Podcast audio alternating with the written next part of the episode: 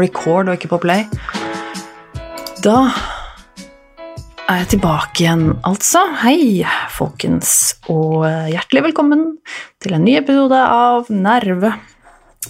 Jeg øh, sitter nå her hjemme i mitt eget lille studio og er så fornøyd med studioet at jeg egentlig har bare lyst til å bare sitte her hele tiden. Um, jeg har jo, Det er en liten stund siden sist nå. Jeg har jo vært på en liten eh, utenlandstur. Jeg har vært i Japan sammen med samboeren min. Jeg har vært i Japan eh, nå fire ganger. Eh, samboeren min hadde ikke vært der før, så det var gøy å kunne ta med han første gang. Men fy satan og sliten og jetlagd og alt det der er. altså, jeg trodde ikke det var så ille, egentlig, men Eh, vi var, var, veldig trøtte sånn, hver ettermiddag kveld i Japan, så bare slukner totalt liksom, på ettermiddagen kveld. Det er nesten som man liksom, etter at man har vært ute hele dagen, går hjem på hotellet, sitter der for å slappe av litt før man skal ut og spise middag, og så bare legger du deg på senga, og så bare med en gang. Uh, totalt slukner og sitter og dupper av med huet. Og, ja, bare, og det, sånn det litt sånn hver dag. Var veldig, vi var veldig slitne og trøtte. Um, men og, og når vi kom hjem Altså, i dag Herregud. Eh, jeg, må være veldig jetlagd, altså. Jeg Altså, vi kom jo hjem i går, og i natt så uh, Jeg våkna i dag tidlig helt av meg selv, tydeligvis, uh, og var ganske borte da, tror jeg. Fordi jeg må ha drømt at jeg så på klokka, og at klokka var da typ halv ni. Uh, jeg skulle stå opp sånn i åtte-halv ni-tiden i dag, og så ser jeg på klokka, og så den er jo sånn åtte. Og så står jeg opp, tusler på badet og tar meg en dusj og liksom står opp da, og skal liksom til å gå og kle på meg og sånn, så ser jeg, så ser jeg på mobilen din, så står det 0213. Og så skjønner jeg ingenting, for da, altså, for da er faen meg klokka liksom typ halv tre på natta. Uh, hvor jeg bare har stått opp og gått i dusjen og skal liksom opp. Altså, da skjønner jeg Jeg blir så forvirra. Jeg er bare sånn Hæ? Hva? For jeg, jeg, må ha drømt at jeg så på klokka eller et eller annet. Altså, da er jeg jo helt, helt, borte. Så jeg gikk jo bare og traska tilbake i senga og bare ok, um, bare prøve å sove litt til. Det var helt bisart. Um, så det, det, gjorde jeg i natt, liksom. Og jeg får ta en liten kort oppsummering av eh, det som har skjedd, før jeg begynner på mitt eh, tema for dagen. Um, vi har jo vært i Japan, og eh, jeg har vært der som sagt flere ganger før. Vi var bare i Tokyo omegn denne gangen. Det ble bare en litt sånn kort tur. Um, og det var kjempefint. Selvfølgelig, jeg elsker jo Japan og har det veldig kjekt når jeg er der. Um, men det er jo ikke uten angst, og det merker jeg jo flere av dagene hvor jeg bare ikke takler ting så veldig godt, og jeg hadde jo egentlig en, et ønske om å eh, filme en del og faktisk eh, lage en kanskje blogg fra dagene der og sånne ting, og det merka jeg at det ble utrolig vanskelig. Jeg kjøpte til og med et nytt kamera der. Um, det kameraet jeg har brukt til nå, som er, altså det ordentlige Sony-kameraet mitt, det er så stort og tungt, og jeg får så noe av det. Um, så jeg kjøpte et nytt et som er mye mindre, helt nytt Sony kompaktkamera som er veldig bra til vlogging. Og hadde også som en ambisjon om at jeg skulle bruke det masse. det der. Jeg brukte jo en del, men jeg, jeg har så angst for å gå rundt og filme. Jeg syns det er så ekstremt ubehagelig, um, og spesielt liksom gå og filme meg selv. Det syns jeg er behagelig.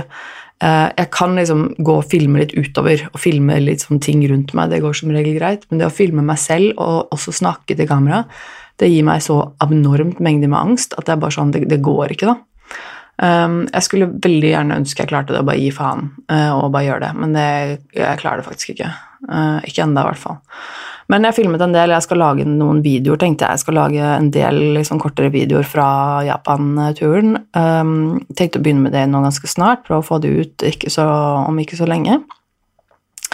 Men jeg merka at det var noen av dagene der hvor jeg fikk veldig mye angst, ja. Eh, hvor det var litt sånn at jeg satt på at vi begynte dagen og kom oss ut vi skulle, og det var vel sikkert tre av dagene vi var der hvor det endte med at jeg satt på en kafé og grein. Uh, bare prøvde å ta meg sammen for ikke å bare knekke sammen og bare måtte tørke noen tårer litt diskré, fordi at jeg syntes det var veldig vanskelig og veldig mye angst, og det var så mye folk, og følte meg bare helt mongo. Uh, eller uh, Ja, altså Jeg Ja, nei, det var Det var litt vanskelig, og selvfølgelig er det kjipt for kjæresten min også, fordi det går utover han at jeg ikke har det så bra. Så da, men stort sett så var det en veldig fin tur. Vi fikk sett veldig mye, fikk gjort veldig mye, koste oss masse. Eh, og hvis du vil se noen bilder og eh, stories fra det vi har opplevd, så kan du sjekke ut eh, både min og samboeren min sin Instagram-konto. Tone Sabro på Instagram. Der finner du en stories sånn fra, fra, Japan, noen bilder og sånn. Sammen med min samboer som heter Civix på Instagram. C-I-V-I-X. Han har også lagt ut en god del, tror jeg, fra turen. Så sjekk det ut hvis dere har lyst. Eller som sagt så kommer det også noen videoer etter hvert på YouTube-kanalen, den nye, Nerve. Um, så sjekk ut der også. Uh, og så hadde jeg jo bursdag mens vi var der.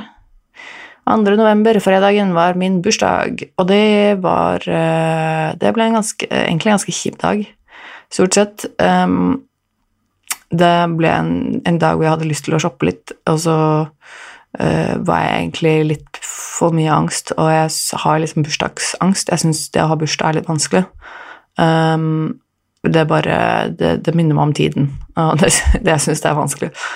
Um, så jeg, jeg syns egentlig ikke det var så veldig ålreit å ha bursdag nå. Um, det bare minner meg på at tiden går, og at jeg ikke har levd et liv, og at jeg er 31 år og føler at jeg har wasta uh, alle disse årene og har våknet opp og liksom fått noen muligheter og fått muligheten til å bygge et liv nå, og så har jeg egentlig bare wasta det som var før. Jeg føler meg så jævlig eh, bare kjip og gammel, og det er bare helt feil, på en måte. Eh, nei, uansett, eh, sånn er det sikkert for mange. Men jeg Så det var litt sånn dritt av bursdag, eh, og dagen ble litt sånn dritt, og fordi jeg hadde litt angst og jeg var sliten og fant liksom ikke egentlig det jeg hadde lyst til å finne. Det var litt sånn Nei, det var Bortsett fra på kvelden, når vi skulle ut og spise middag, så tok vi en tur og havnet eh, Vi sjekka litt på Google Maps og bla, bla, bla, TripAdvisor og sånn, så fant vi til slutt en restaurant eh, som var veldig bra. Da fikk jeg faktisk en niretter. Eh, en vegansk niretter i Japan. Altså, jeg visste ikke at det fantes engang. Det å være veganer i Japan er forholdsvis vanskelig. Um, fordi at de er veldig glad i kjøtt og sjømat der borte og lager alt med en av delene, som regel. Uh, så jeg pleier å konvertere til vegetarianer når jeg er i, på ferie, i hvert fall i sånn Japan, sånn, for det å finne veganske ting er veldig vanskelig. Da må du vite hvor du skal gå. I tillegg så er det ikke sikkert at den jeg reiser sammen med, er så keen på å bare spise vegansk mat, så det er litt sånn utfordrende. Eh, men da fikk jeg faktisk en vegansk niretter, og det var helt insane.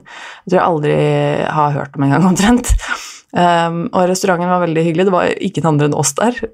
Så de hadde ikke så mye å gjøre. Dette var en helligdag, da. Det var kanskje derfor. Um, men Og vi hadde litt sånn utsikt utover området der, og det var liksom bare meg og kjæresten min ved et bord, og fikk servert ni retter. um, med god drikke og veldig god mat. Så det det ble en veldig fin avslutning på bursdagen min. Jeg fikk i hvert fall en veldig veldig god bursdagsmiddag. Uh, det var veldig interessant faktisk å få Jeg tror aldri jeg har fått servert en så uh, Hva heter det altså, Så mange delt middag. Altså sånn type syv retter, ni retter Jeg har aldri, tror aldri har fått det før, jeg. Så det var litt gøy. Og så liker jeg veldig godt å smake på masse forskjellige ting, og spesielt japanske ting. Jeg er veldig glad i japansk mat, egentlig, generelt. bare synd de bruker så mye kjøtt og fisk. Men um, men det, det, var veldig gøy, det var veldig god mat, uh, så det var veldig hyggelig. Vi fikk en fin avslutning. Um, så har jeg i dag uh, Jeg var jo hos legen min rett før jeg dro. Dette nevnte jeg jo før episoden også, at jeg fikk jo noen uh, medisiner, antidepressiva medisiner, som også skal hjelpe, for, hjelpe mot bulimi, oppkasttrang og Så videre, sånne ting. Um, som jeg fikk beskjed om å ikke begynne med før jeg dro, fordi at man kan fort bli uh, En periode før det begynner å liksom ha god effekt, så kan man fort bli dårligere når man begynner å ta slike medisiner. Um, og Derfor sa legen min at hun ville anbefale meg å vente til jeg kom hjem fra ferie med å bruke de, eller begynne. Så jeg begynte i går. Jeg tok den første pilla i går kveld. Så nå er jeg liksom officially i gang med medisinering. Det er, eh, er veldig ambivalent, men jeg, jeg, håper det funker. Jeg vil jo at det skal funke. Jeg syns det er noia. Jeg liker ikke å putte i meg sånne ting, men eh, jeg skal gjøre et forsøk nå. Så jeg tok min første i går, og da tar det vel et par-tre uker kanskje før jeg begynner å merke effekten. Forhåpentligvis så funker de bra. Um, så vi får se. Det blir spennende. Krysser fingrene. Og skal selvfølgelig komme tilbake til dette uh, senere for å oppdatere dere om hvordan det går. Um, ja, jeg sitter nå her med kaffekoppen min. Uh, helt strengt nødvendig med kaffe. Og jeg har i tillegg begynt å få litt, sånn her, litt vondt i halsen. Jeg tror jeg begynner å bli litt sånn småsjuk. Det er litt dritt. Bare regner med at det ikke er influensa, for jeg har vaksinert meg tatt uh, influensavaksinen. Jeg håper dere også har gjort det. Det er veldig enkelt. Du kan gjøre det på apoteket eller hos fastlegen din. Bestill på nettet. Veldig enkelt uansett. Um, I dag Jeg tenkte jeg skal snakke litt om en eh, eh, dokumentar som jeg så, eh, som ligger på nrk.no. Den er tilgjengelig for alle dere. Bare gå inn og se. Dette er en serie som heter Innafor. Um, det er en dokumentarserie uh, som tar opp litt forskjellige typer temaer. Um, og jeg har sett uh, ganske mange av de. Jeg syns mange av de er ganske bra. Noen av de syns jeg er litt sånn eh. Men, men jeg syns mange av de er ganske bra. Og de, ja, den eller de to delene jeg skal snakke om i dag, er en ganske ny episode i to deler som heter 'Selvmord på Instagram'. Uh, den er ja, del én og del to er det. Jeg har sett begge to. Jeg anbefaler dere å se den. Jeg syns jeg var um, bra. Uh, for så vidt ikke noe av dette her som er nytt for meg, men jeg syns det er bra at de lager en dokumentar om det, for det er Jeg tror det er mange som vet veldig lite om det. For det det handler om, er um, hvordan unge mennesker med selvmordstanker påvirker hverandre på internett og på sosiale medier, eh, og om, uh, om disse private Instagram-kontoene hvor folk hvor, er, hvor, folk danner et sånt nettverk hvor de, hvor de deler av sine tanker og følelser og selvskading og eh, ganske sånn heavy greier, da. Eh, deler om tanker de har om å ta livet av seg, deler om bilder av at de har selvskadet seg selv, um, og sånne ting. Um, og snakker sammen og blir kjent med hverandre. Uh, og da er det på en måte, som sagt, det er et lukka, lukka samfunn. Du må på en måte, uh, Det er private profiler, dette, så du må på en måte få innpass. Du må søke om å uh, Holdt jeg på å si, hva heter det? Du må jo um, få bli godkjent for å komme inn i disse private kontoene, ikke sant. Sånn at um, det syns jo ikke Med mindre du vet om det og er med, så er det jo på en måte ikke noe du ser noe til, vanligvis. Um, og det er nok sikkert for mange ganske rart at um, at det fins, og at noen har lyst til å være med i sånn, et sånt nettverk. Hvorfor har du lyst til å se noen legge ut bilder av at de skader seg selv, og hvorfor har du lyst til å høre noen som bare snakker om at de vil dø og ta livet av seg, og sånne ting. Um, men det, det, kan jeg faktisk skjønne veldig godt, hvorfor det er noen som vil uh, være med på det.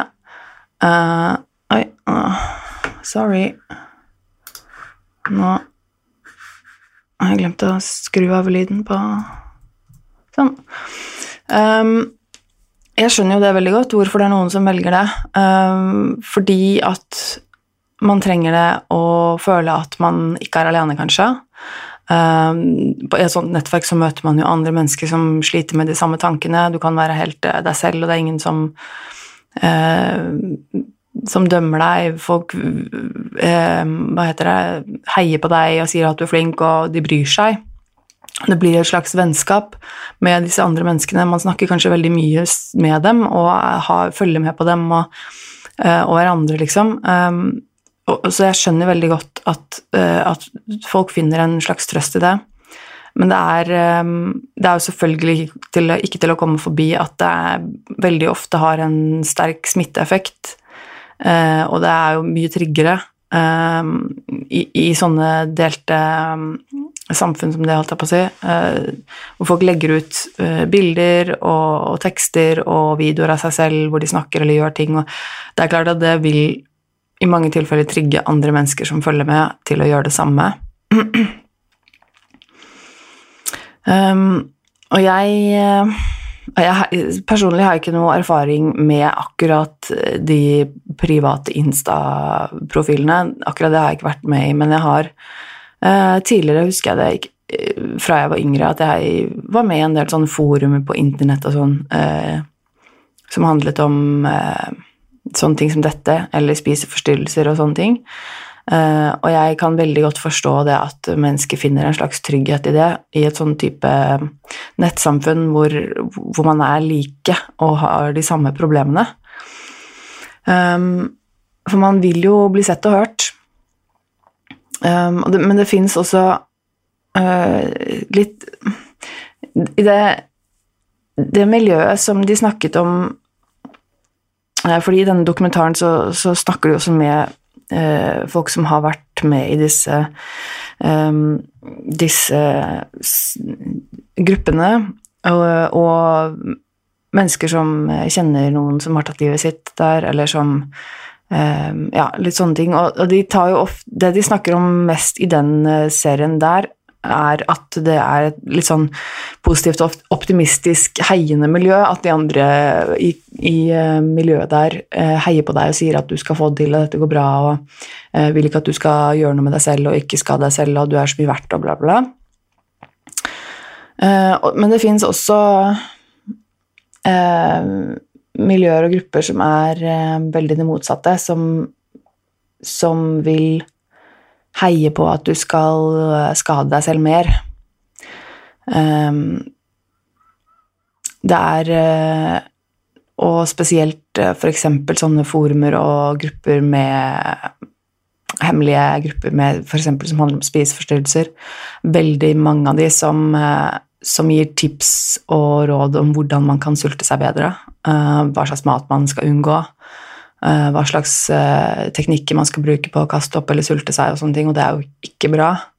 Eh, det er jo selvfølgelig kjempetriggende for folk og veldig veldig fælt at folk deler på en måte tips og triks til hvordan du skal bli sykere.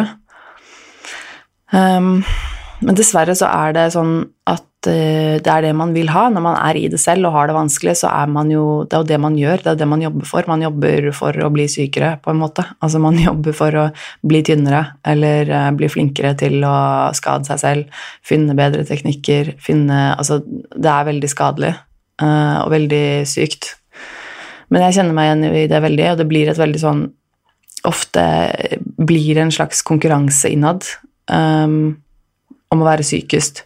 Og man vil ofte beundre den som klarer det bedre enn seg. Altså eksempel hvis jeg sulter meg og eh, vil bli tynn og vil bli tynnere, eh, så ser jeg kanskje i et sånt eh, nettsamfunn at det er eh, noen som er tynnere enn meg, og som er flinkere enn meg til å sulte meg, og så blir jeg misunnelig og tenker at åh, men hun eller han er så flink til å sulte seg, og hvordan får han eller hun det til? Um, og så kanskje man lærer av hverandre. Uh, veldig destruktive teknikker. Uh, fordi man er på et vis stolt av det. Um, man er stolt av at man får det til, og at man er flink til det. Og da er det kanskje gøy å kunne dele teknikker og si at ja, men jeg har funnet en kjempebra teknikk som funker så bra, og det er sånn og sånn, og gjør ditten og datten. Um, fordi at man er stolt av at man klarer det så bra. Um, og jeg vet det høres veldig absurde ut, det er det jo på en måte, men um, men det er jo det som er problemet med at det er en mestringsstrategi, det er en teknikk, det er noe man får til, det er noe man bruker for å få kontroll. Det er noe man um, man får noe av å gjøre. Uh, det, gir, det, gir, deg noe. Det gir uh, noe som man trenger der og da, uh, selv om det er veldig, veldig skadelig så er det dessverre sånn at det er mange som bruker disse, disse metodene for å takle vonde følelser. Um, og da vil man jo selvfølgelig ha tips og triks fra andre som har bedre løsninger enn det du selv har. ikke sant? Det er jo forferdelig. Uh, men det er jo faktisk sånn det blir, da.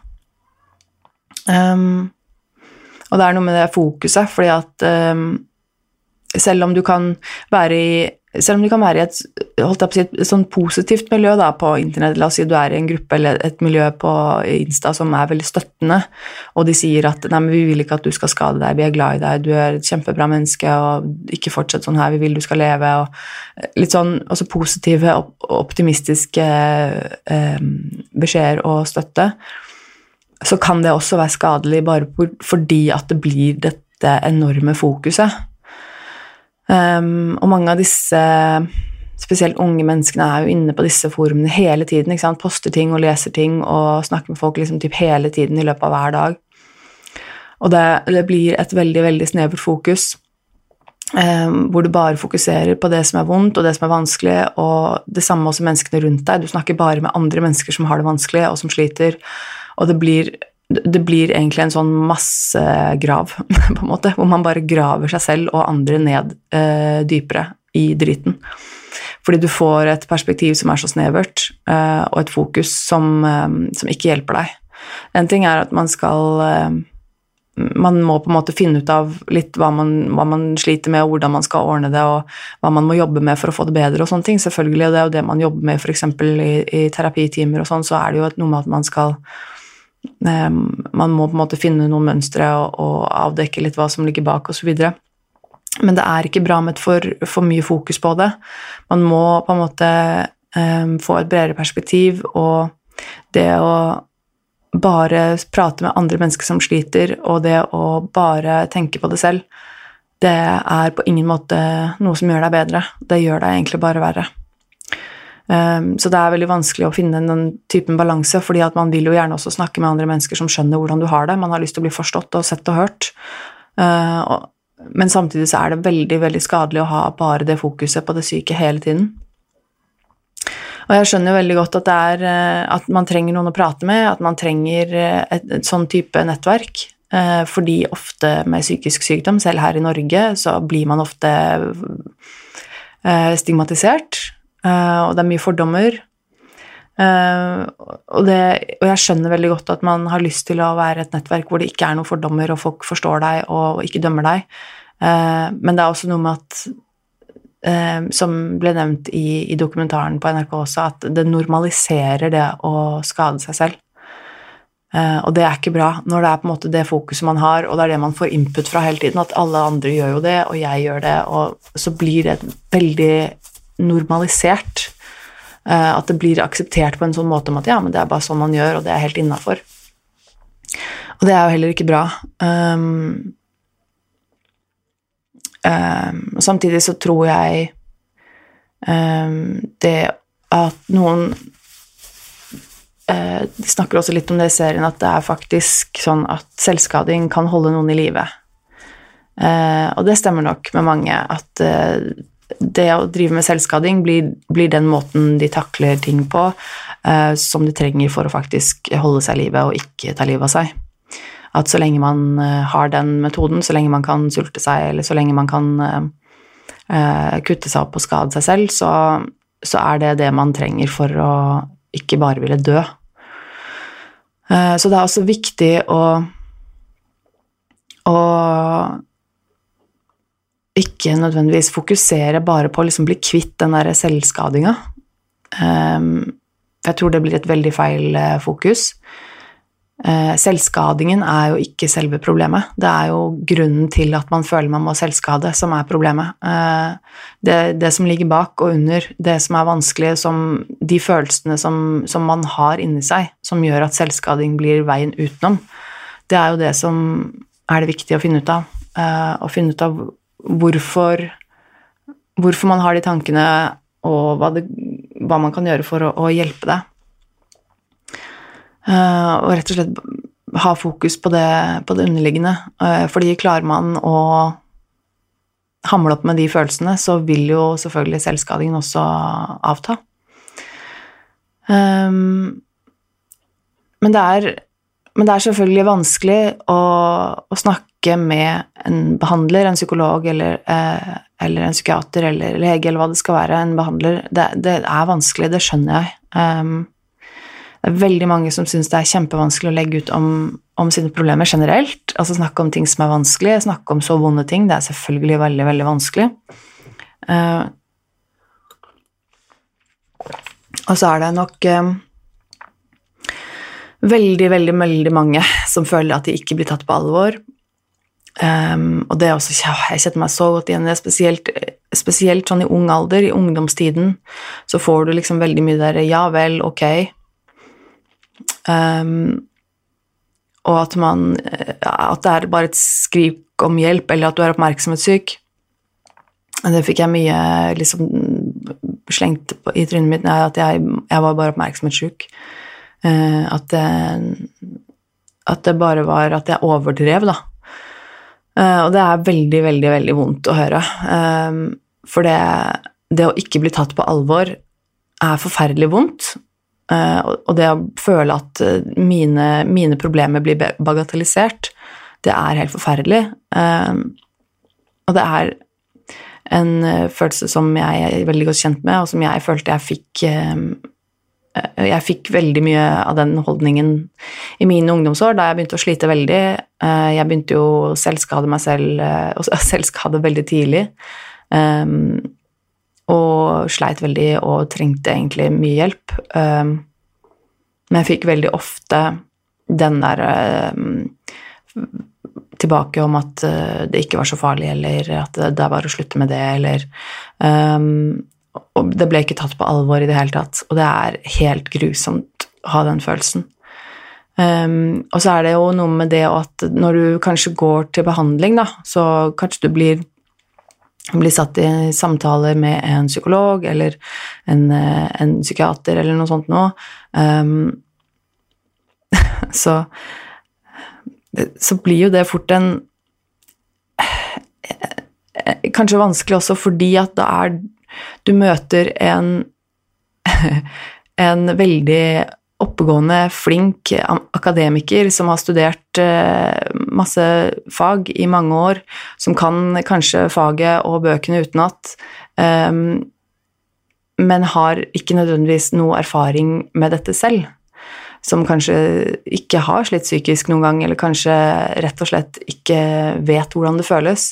Eh, ja, vedkommende kan alt som står i boka, men har ikke noen erfaring med det. Uh, det, det, gapet kan føles veldig veldig stort når du sitter der som en person som uh, er kanskje veldig ung, og som ikke vet hva den skal gjøre, og som føler at ingen tar deg på alvor, som føler at uh, livet går til helvete, og så skal du sitte der og, og, fortelle om dette til en person som er voksen, akademiker, veldig flink og bokvant, liksom. Det, det, det kan føles veldig enormt stort og veldig vanskelig det, å, å, å, snakke med en sånn person da, og fortelle de innerste vonde tingene til en sånn person som du i tillegg da ikke kjenner, det er eh, til tider veldig, veldig vanskelig. Um, og det er noe med det som hun ene psykologen i denne innafor-serien også nevner, at de kan nok fort uh, kanskje bli mest opptatt av behandlingsperspektivet. Um, at de får uh, en uh, ungdom eller en person inn foran seg og, som har problemer, og at man med en gang begynner å tenke sånn Ok, hvordan skal dette behandles? Hva er det som er riktig behandling og diagnose? Uh, og det, det, forstår jeg jo, det er jo jobben deres, det er jo dette de på en måte skal gjøre. Men eh, jeg tror det gjør det også veldig vanskelig for en person, eh, en pasient som sitter der og som føler seg veldig liten, som føler seg kanskje ikke sett og ikke tatt på alvor, og så eh, får man litt følelsen av at ok, men jeg er bare et problem som må, som må nøstes opp i. Um, det å bare få en diagnose hjelper ingenting. Det å bare få et behandlingsprogram hjelper ikke noe i seg selv. Det, er jo noe med det at man må eh, det er, så, det er så mye mer enn det.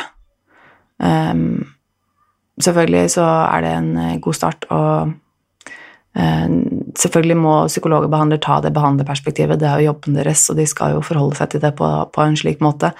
Men jeg kan veldig, veldig godt forstå at, unge, at veldig unge mennesker som sliter, syns det er vanskelig å snakke ut eh, til en person som man eh, ikke kjenner, og som da kanskje man får en følelse av at um, dette behandlingsperspektivet er veldig tydelig.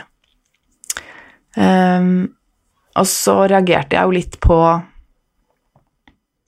Ja, herregud, jeg merka jeg, jeg vet ikke om du, du, som hører på, har sett den uh, innafor dokumentaren hennes. Jeg anbefaler deg å gjøre det, men uansett uh, For ikke noe spoiler, egentlig, sånn sett. Men hun ene psykologen som de snakker, om, nei, snakker med i serien um, Jeg lurer på om det er først i del to de snakker mest med henne.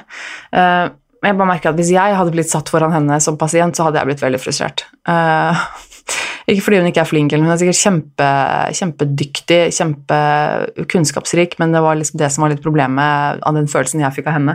For jeg fikk den følelsen av at ja, hun er veldig flink, hun kan mye, hun vet mye av det som står i bøkene. Hun øh, har nok lest mye og er øh, en flink øh, akademiker, men jeg fikk følelsen av at hun har nok veldig lite erfaring i hvordan det er å ha det vondt, sånn ordentlig vondt. Um, og så uh, snakker de om dette med selvmordstrusler, da, eller folk som truer med å ta livet sitt.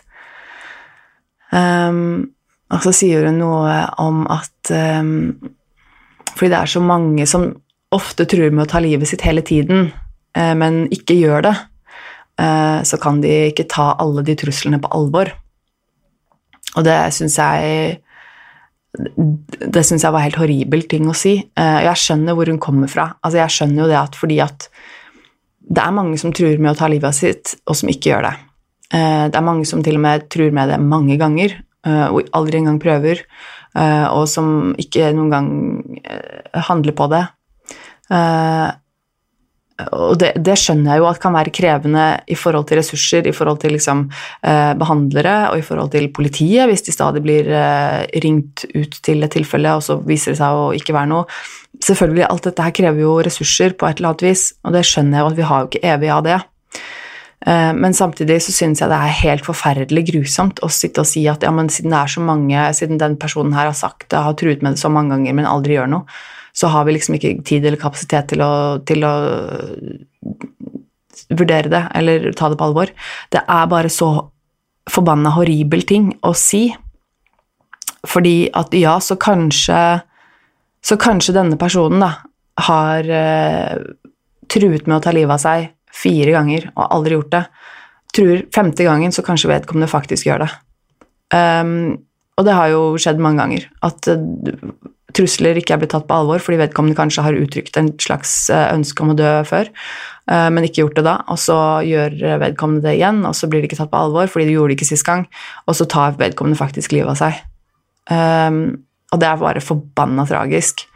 Og jeg skjønner det så Det er, det er bare så vondt, fordi at det er en gang sånn Snakk om bagatellisering og snakk om uh, Snakk om å ikke bli tatt på alvor, når du faktisk da holdt opp si truer, da, eller sier at du, jeg ønsker å dø, jeg, har faktisk tenkt på å ta livet av meg nå. Og så blir man ikke tatt på alvor bare fordi Men det har du sagt før, og du gjorde det jo ikke da.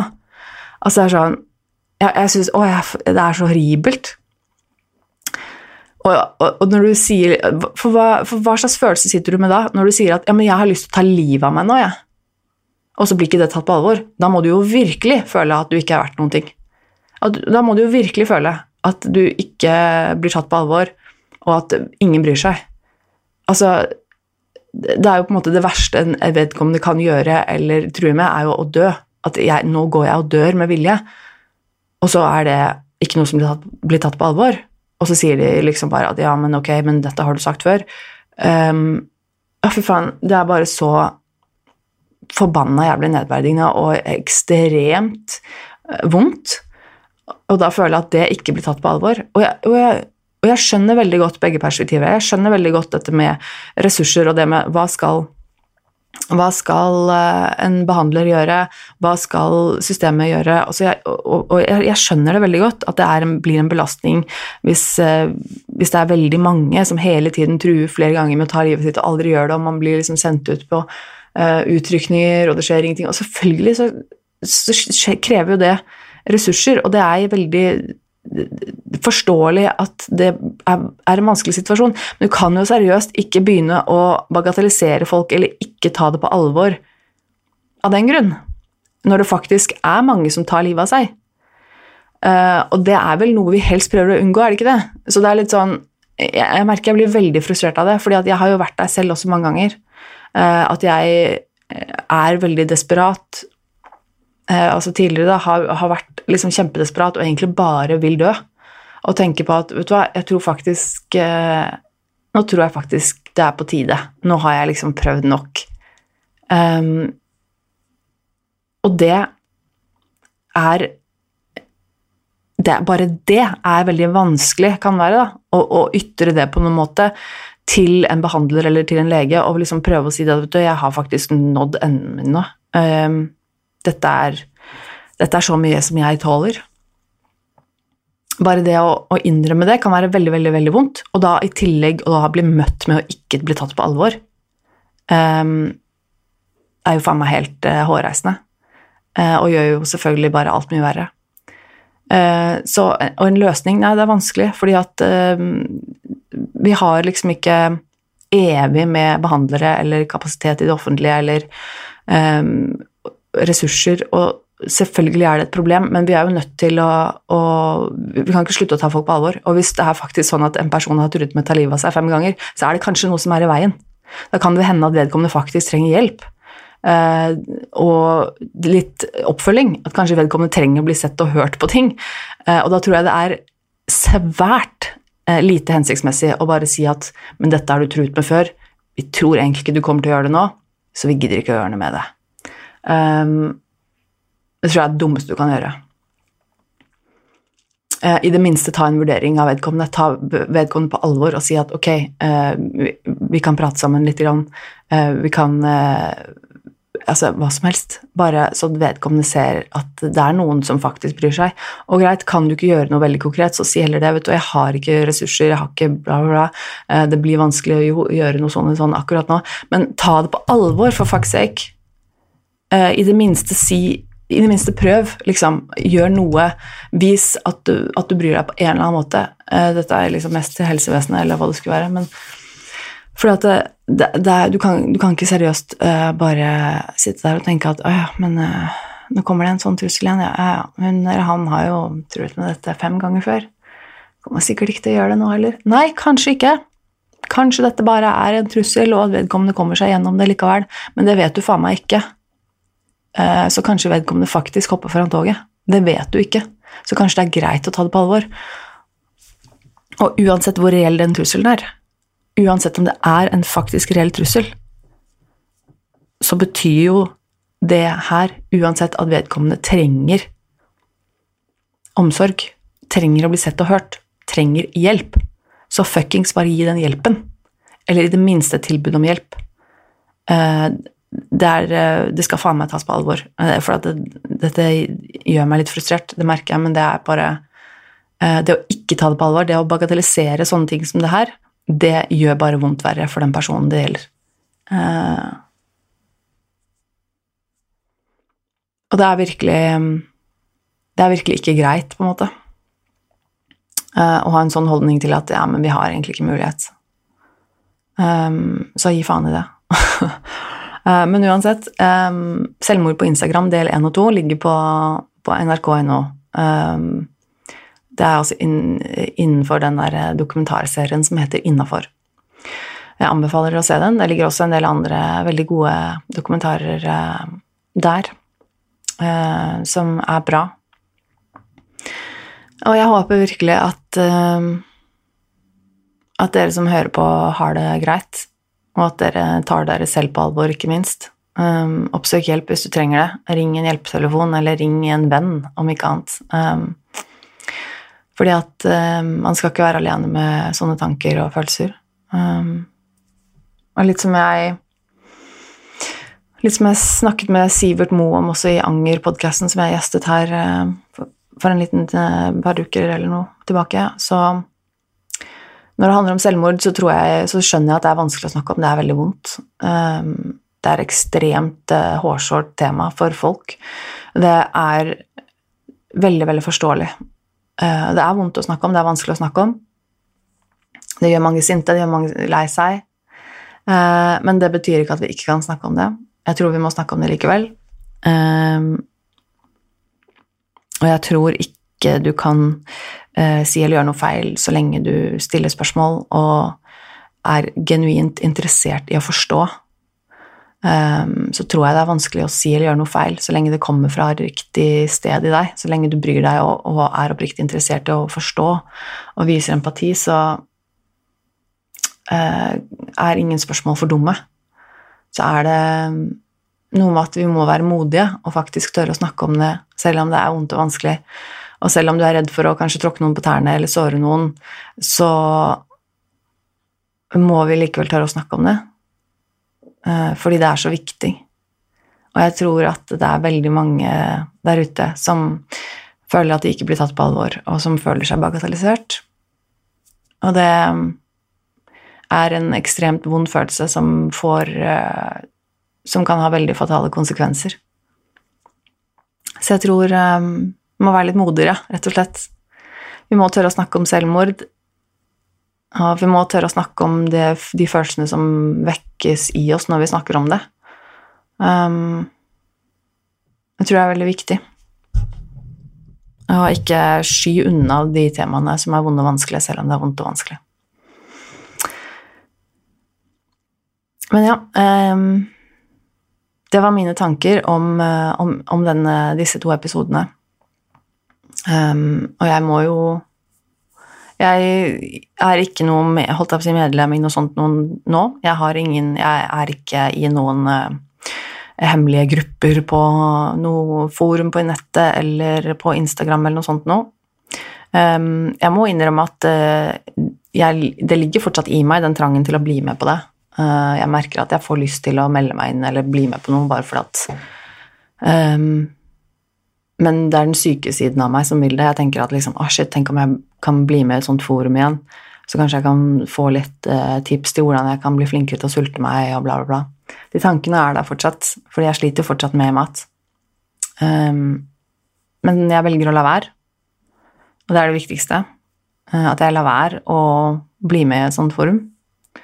Um, for det kan være veldig skadelig. Selv om jeg også vet at jeg kommer til å treffe mange mennesker der som føler det samme, og det er godt og sånn, så vet jeg at det fokuset, det, det er skadelig.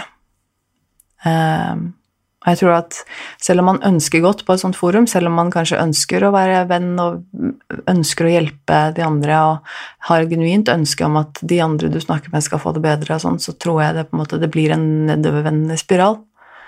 Um, og jeg tror ikke jeg tror ikke man kommer godt ut av det i lengden. Um, nettopp på grunn av at det blir et så enormt fokus på det som er vondt og vanskelig. Men uansett, ja, nå har jeg vel uh, vært igjennom alle notatene mine her, tror jeg. Um, jeg sier det igjen, jeg. Det er liksom mer åpenhet, mer ærlighet. Uh, vi må være modige. Det mener jeg. Uh, vi må snakke om ting som er vanskelig.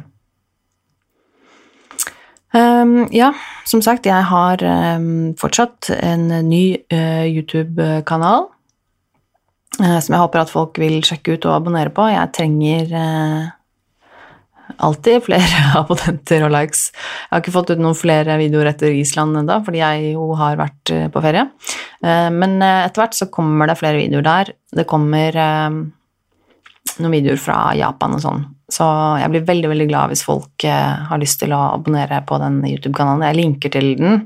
Um, jeg linker til den her i shownotes. Uh, så og sjekk ut mine sosiale medier også, der er det links til den nye kanalen. På Instagram heter jeg eh, Tone Sabro. Eller så er det Nerve med Tone på Instagram. Det er den som, kontoen som hører til denne podkasten. Og så er det um, Ja, YouTube og sånne ting. Linker til alt. Jeg linker også til um, den uh, dokumentarserien på NRK. Uh, ellers er den veldig lett å finne hvis du går inn på nrk.no. Jeg håper dette var um, informativt for noen. Um, hvis det er noen flere spørsmål om dette, så bare send det til meg. Det er vanskelig å vite hvor mye eller hvor lite man skal si, og hva for meg så er jo dette ganske interessant. Jeg visste jo på en måte det meste av dette her fra før, så det var jo ikke noe nytt for meg sånn sett, denne dokumentaren, men jeg syns den var bra. Jeg syns det er viktig å snakke om. Jeg syns det er viktig at folk vet om at det fins um, sånne former og, og communities da, på nettet. Så uh, kom gjerne med spørsmål og tilbakemeldinger, det digger jeg. Uh, følg meg i sosial, sosiale medier, og gjerne sånn rate og review på podkasten min, og sånn, altså, sånn at folk kanskje finner den, for det, det syns jeg er veldig, veldig hyggelig. Jeg setter stor pris på at du hører på podkasten min, og at du ser på YouTube-kanalen min. Um, og får de tilbakemeldingene som jeg får av dere. Og så ønsker jeg dere alle sammen en uh, fin uke. Eller når denne kommer ut, så er det jo snart helg, så ha en god helg. Um, så snakkes vi igjen veldig snart. Ha det bra.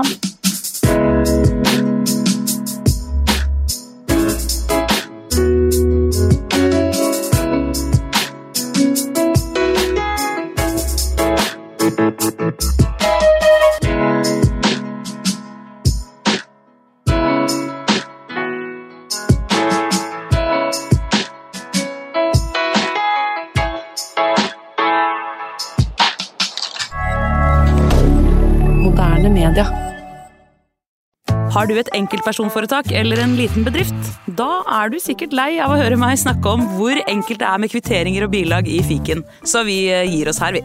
Fordi vi liker enkelt. Fiken superenkelt regnskap.